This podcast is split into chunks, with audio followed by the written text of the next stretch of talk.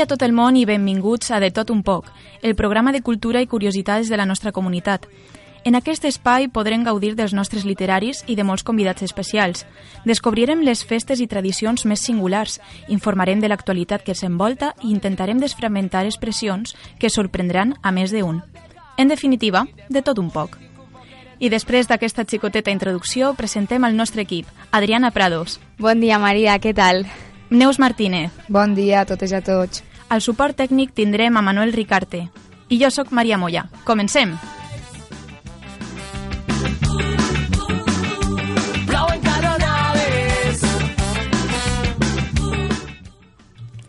Anem a inaugurar aquesta primera edició del programa fent honor a la literatura de la nostra comunitat. I qui millor que Adriana per explicar-nos un poc més sobre aquest meravellós tema. Així és, el patrimoni literari català és immens i d'alguna cosa es pot presumir és del gran repertori d'escriptors que han deixat la seva petjada amb obres que passaran a la història. Salvador Espriu, Teodor Llorente, Vicent Andrés Estellers, Joan Fuster i molts més representen el que és la, la cultura catalana. A dia d'avui la literatura encara continua molt viva. Les edicions en català estan en un dels seus punts més forts. Un exemple és Ferran García Oliver, que acaba de presentar un nou llibre, Valencians sense ADN. García Oliver, catedràtic en Història Medieval, eh, parla en el seu llibre de la puresa de la sang dels valencians, atesos els diversos pobles que passaren o s'instal·laren entre el riu Sènia i el Segura. Però sobretot mira d'examinar com s'han jutjat les aportacions de tots aquests pobles i col·lectius ètnics. La setmana passada va presentar aquests llibres a ells i van poder gaudir de les seues paraules en una breu entrevista. Anem a escoltar-la.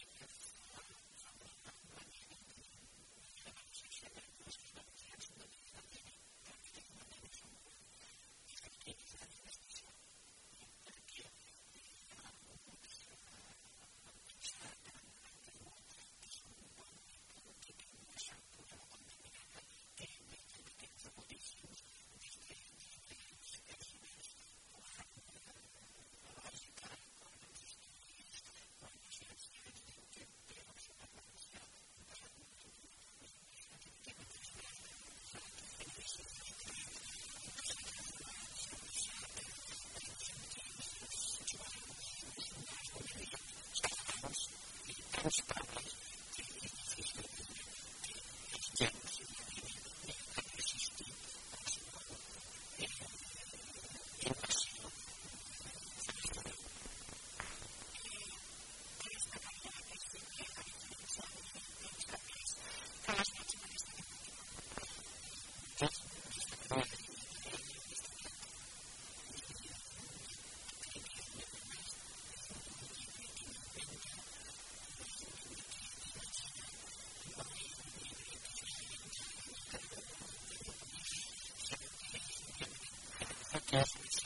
for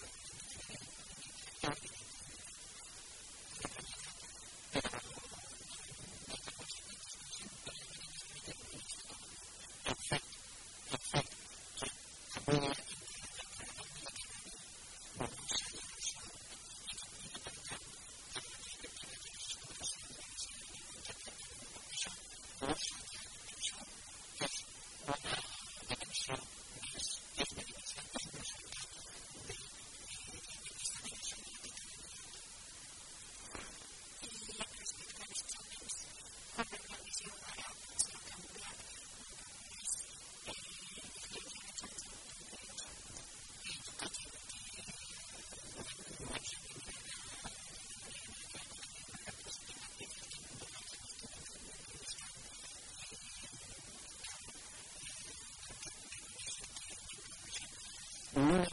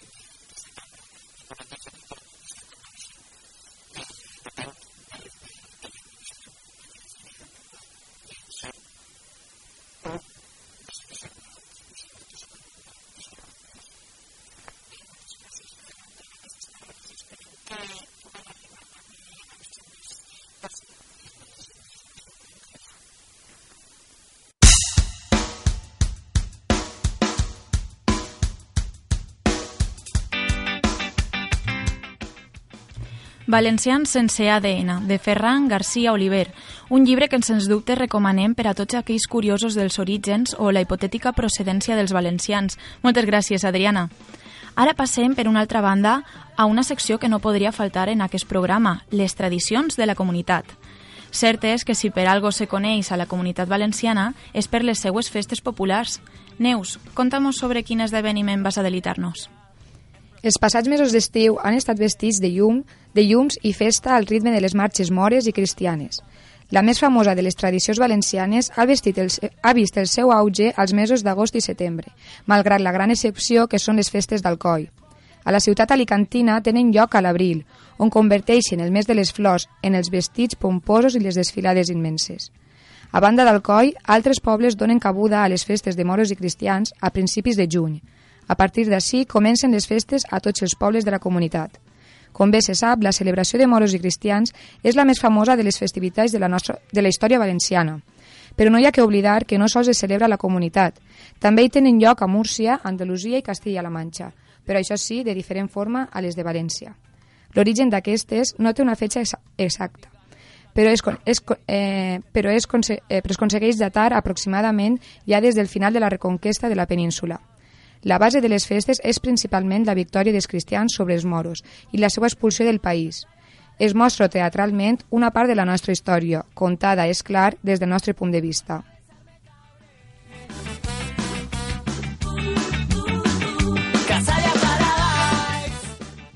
I per acabar amb la meva secció de festes i tradicions, he de recordar que aquesta setmana és una de les més importants per als valencians. El pròxim diumenge, dia 9 d'octubre, es celebra la Diada Nacional del País Valencià, dia on es commemora l'entrada de, de les tropes de Jaume I a València l'any 1238. Aquest dia es duran a cap diferents activitats a les ciutats de València, Castelló i Alacant, així com a diferents pobles de la comunitat. Doncs bé, ara passem un moment a publicitat i en seguida estem altra volta així en De tot un poc.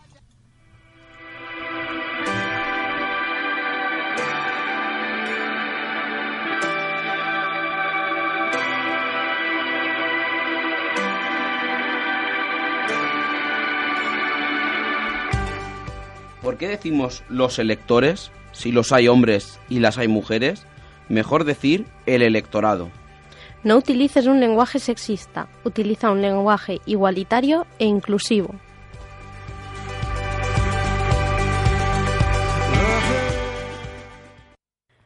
Doncs com has contat, Neus, les festes de moros i cristians estan plenes de colors, sentiments, història, però sobretot música. Imagineu aquesta festivitat sense eixes impressionants marxes que acompanyen i acaben de filar-ho tot perquè al cap hi ha la fita que cobrar un sentit. Pues per a esta i més preguntes sobre el meravellós món de la música festera, tenim el plaer d'entrevistar a Ginés San Juan Martínez. És músic, professor i director en les escoles de música de Viar, Onil, Banyeres de Mariola, al poble d'Ibi, així com al Conservatori Superior de Música Òscar Esplà d'Alacant. És finalista i premiat en diversos concursos d'interpretació. És oboe solista en l'Orquestra Filarmònica de la Universitat d'Alacant i, per si fora poc, col·labora amb orquestes a nivell nacional e internacional. Bon dia, Ginés, com estem? Hola, bon dia, Maria. Bueno, moltes gràcies per estar així amb nosaltres a, al primer programa de Tot un poc i pues anem a començar l'entrevista en la primera pregunta que hem formulat. Eh, imagineu bueno, imagines aquesta festa sense les marxes eh, d'una banda? Home, però jo crec que no. No, no, no s'imagina ni nosaltres, ni els festers, ni, ni el públic, perquè eh, estem acostumats a que davant, darrere d'una esquadra o darrere del capità o darrere de la banderada sempre sona música seria, vamos, seria impensable a dia d'avui, conforme tenim muntada la festa, que no hi haguera música. Sí, alguna volta hem pogut veure eh, com a contradicció mm, darrere de ballets o inclús de les esquadres altaveus, que pareix un poc eh, estrany. Sí, eh, és, és molt estrany, perquè la música i al final tot es viu millor en directe i, i que estiga la música posada en un àudio en un CD no té el mateix sentiment, no pot tindre mai el mateix sentiment que, que un músic eh, que tocant o un grup de músics tocant en directe, perquè cada vegada eh, la música no és una ciència exacta i cada vegada sona diferent. Ara ho toques d'una... la mateixa peça la toques ara i d'ací 10 minuts i no sonarà mai igual per lo que siga, per, perquè es pega el sol, perquè, perquè hi ha gent que coneix aplaudint-te, perquè en aquest moment és que fer un sentiment especial. Evidentment no és igual que sempre soni un àudio que, que soni la música en directe. I bueno, sabem que n'hi ha moltes bandes dins d'una mateixa entrada, però una, una banda de músics, eh, quantes voltes pot arribar a fer una entrada? Vols dir vegades que, que, que, que dobla, no? Sí, exacte. Sí, pues depèn del recorregut i depèn del poble. Pues, pues pots fer dos, tres, depèn de, de, del poble. Per exemple, en entrades llargues o que n'hi ha molts festers com en Villena o... Sí, o inclús en Ibi fas dos segures, o en Alcoi fa, pots fer dos, inclús tres, en Villena pots fer-ne.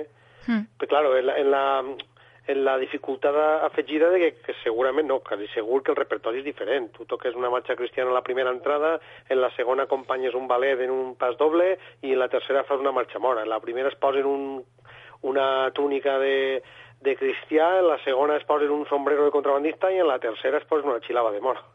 pues té que ser un poquet estressant tot aquest jaleo que porteu.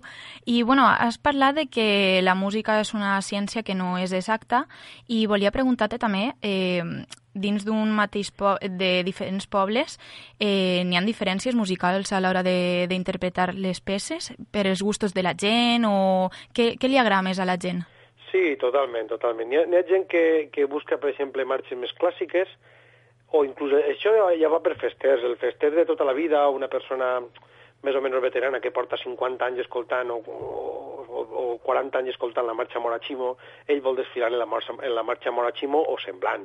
Cisco, Chimo, voluntat de fer marxes que fa 30, 40, 50 anys que estan tocant-se en totes festes de, de per així. En canvi, hi ha gent que vol algo nou, que li demana al compositor de turno, al compositor de moda que últimament fa moltes marxes i estan pegant, vull algo que pegue, vull algo que, que, que no s'hagi sentit mai o algo eh, pues això, diferent, per a que quede guardat com a que jo, el capità, o jo, la banderada, traga algo nou.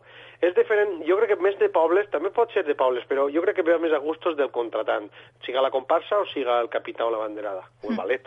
Clar, i bueno, moltes voltes eh, n'hi ha peces que s'han fet especialment, com eh, acabes de dir, eh, per una esquadra, per un càrrec important de la festa.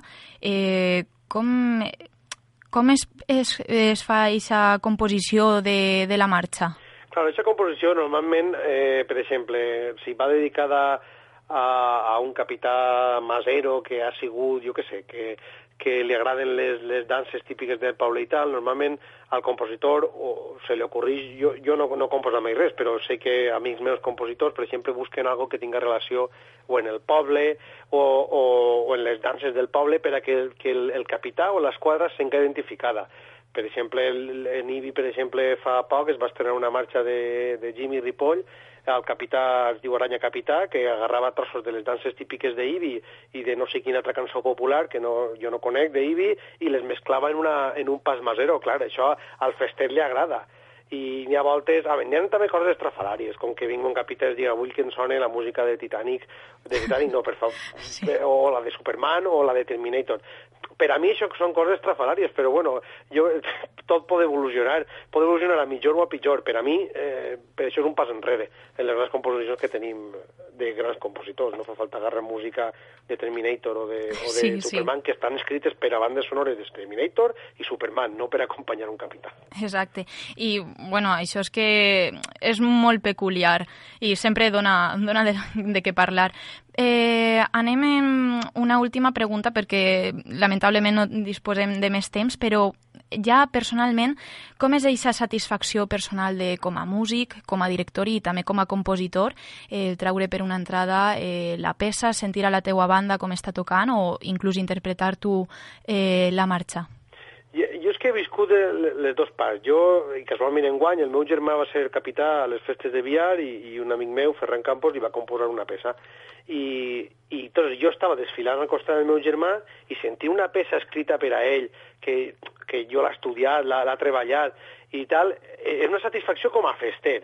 Però és que, clar, l'altra part també és molt bona, és a dir, tindre tu l'honor o l'això d'estrenar una peça que li han encomanat, com va passar fa uns anys a Castell Vermell, li van encomanar una peça a una bandera que era membre del Castell Vermell, a Sílvia Guillem, la vam estrenar nosaltres, era un repte. I la veritat és que això se quedarà per sempre que aquesta peça l'hem estrenat nosaltres. L'ha treballat jo per primera volta, l'hem estrenat a la meva banda per primera volta. La veritat és que una satisfacció molt gran tindre aquests moments.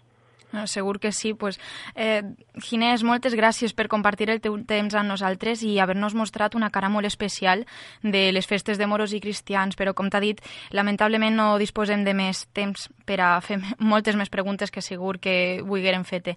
Agraïm de tot cor la, la teua col·laboració i esperem que tinguem l'oportunitat de tornar a parlar pues, tan a gust com, estan, com hem estat avui. I gràcies i fins pronte. Moltes gràcies a vosaltres i quan vulgueu qualsevol cosa ja sabeu on estic. Moltes gràcies gràcies. Vinga, hasta sí, luego.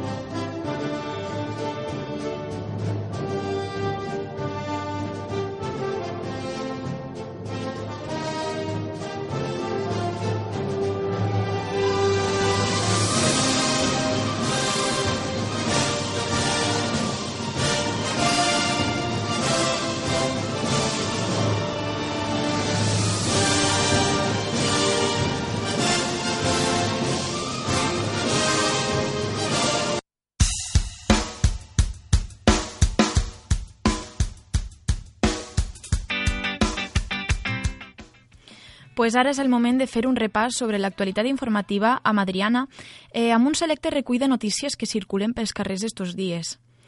Les Corts han acollit un simposi sobre el dret civil en valencià. Aquesta setmana s'ha convocat una aquesta setmana s'ha convocat una taula rodona sobre l'anàlisi i perspectives de futur sobre el dret civil en valencià. En aquest simposi han participat un representant dels grups parlamentaris Popular, Socialista, Compromís, Podem i Ciutadans augmenta la reproducció d'ous de l'albufera per la millora de l'ecosistema aquàtic. En el que va d'any s'han reproduït a l'Albufera de València 37 espècies d'aus dependents de l'aigua, segons fons de la Generalitat Valenciana.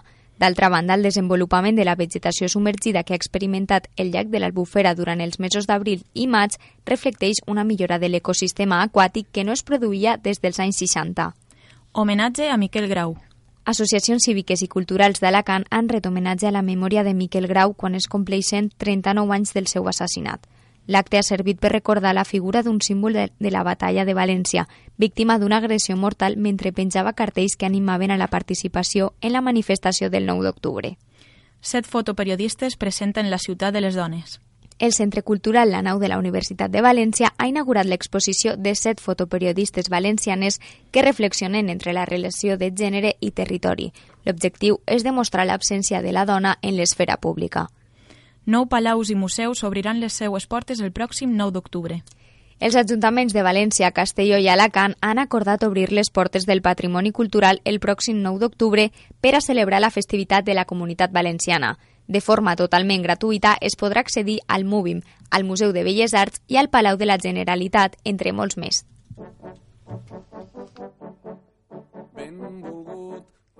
Diem colilla. Cal dir burilla. gaudit de presentació oficial, més o menys així com jo, estàs assabentat de la meva existència. De la...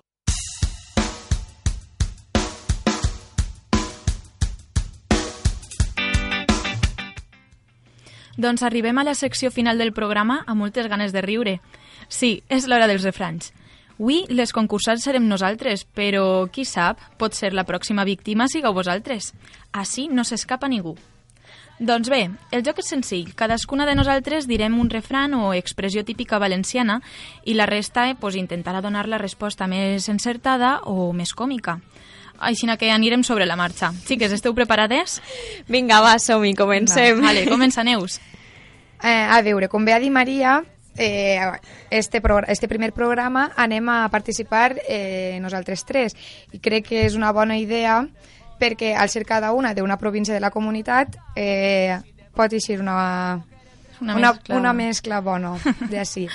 Eh, comence jo en el meu refran que seria, com diuen en el meu poble, menjar sardines i rotar gambes. Esta frase me fa molta gràcia, Neus, quan la vas dir la primera vegada. No l'havia sentit mai. Ni jo, la veritat. Això és que és molt del seu poble. Sí, sí. Això t'ho fiquen a l'examen de la junta qualificadora i dius, què és això? A veure, anem a...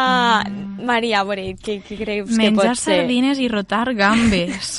A veure, Ivi, què pensen d'això? A veure, és que la mentalitat de hielo és un No poc sé. complicada. A veure, menjar sardines i rotar gambes. O has tingut una indigestió o has menjat algo que no, no saben lo que era i fa que al·lucines, al·lucines un poquet. Adriana, tu què penses? Pues jo, la veritat que mm, no tinc ni idea. Menjar sardines i rotar gambes. També Suposo penses que és una indigestió? No, no, suposo que no serà una indigestió, però, no sé, algo econòmic o... No sé. Val, pues no, no, no és res d'indigestió, ni de menjar, ni res, és quan una persona, eh, diuen de, de les persones que volen aparentar més del que tenen, Uh. que mengen sardines, que es consideren, eh, dins d'ells tenen una cosa i després volen mostrar una altra cosa. Sí, el a- tema a la d'aparentar gent. Sí, és algo, crec que molt típic, ja no sols en la comunitat valenciana, En sinó tots, en en, tots tots els puestos, desde luego. Sí. Sí, pues és un, una dita, la veritat, molt, molt original, però que la veritat que se la podrien aplicar a moltes persones. Sí, sí. Molt bé, doncs pues mira, molt ara- interessant. A Sí, ens l'apuntem al diccionari. Sí, Sí. apunteu-se-la. Maria, tu... Mm, a veure, pues la meva frase també és una molt típica del meu poble, que ho diuen en especial les abueletes de les típiques que estan en les caires sentades al carrer mirant a veure les novetats que n'hi ha al carrer. Les xafarderes. Sí. A veure, la frase és et casaràs en qui voldràs. Què penseu?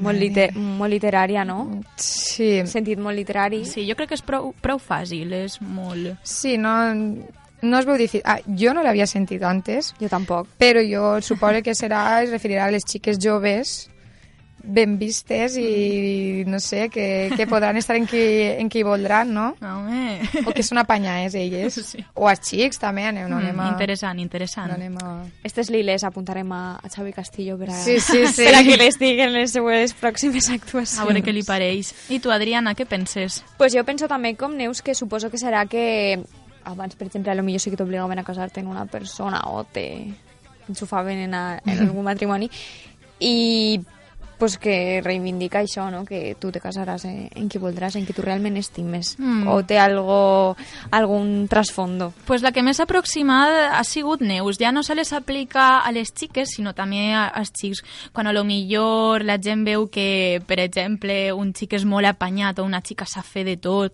o té un caràcter molt agradable, qualsevol cosa li diuen ma, es, cara, es casaràs en qui voldràs. Mira, mira. Mira. I jo, bueno, he triat una que, bueno, me va aparèixer original. El moll de l'os. El com? El moll de l'os. Esta, és la, esta la va dir el professor. La va dir el professor de dret air i mos va llamar l'atenció perquè no jo- sabíem lo que, lo que significava, Sí. no l'havia sentit mai i, i, bueno, ens va explicar que... Sí, jo seguís sense entendre-la. No, no tinc ni idea. El moll de l'os.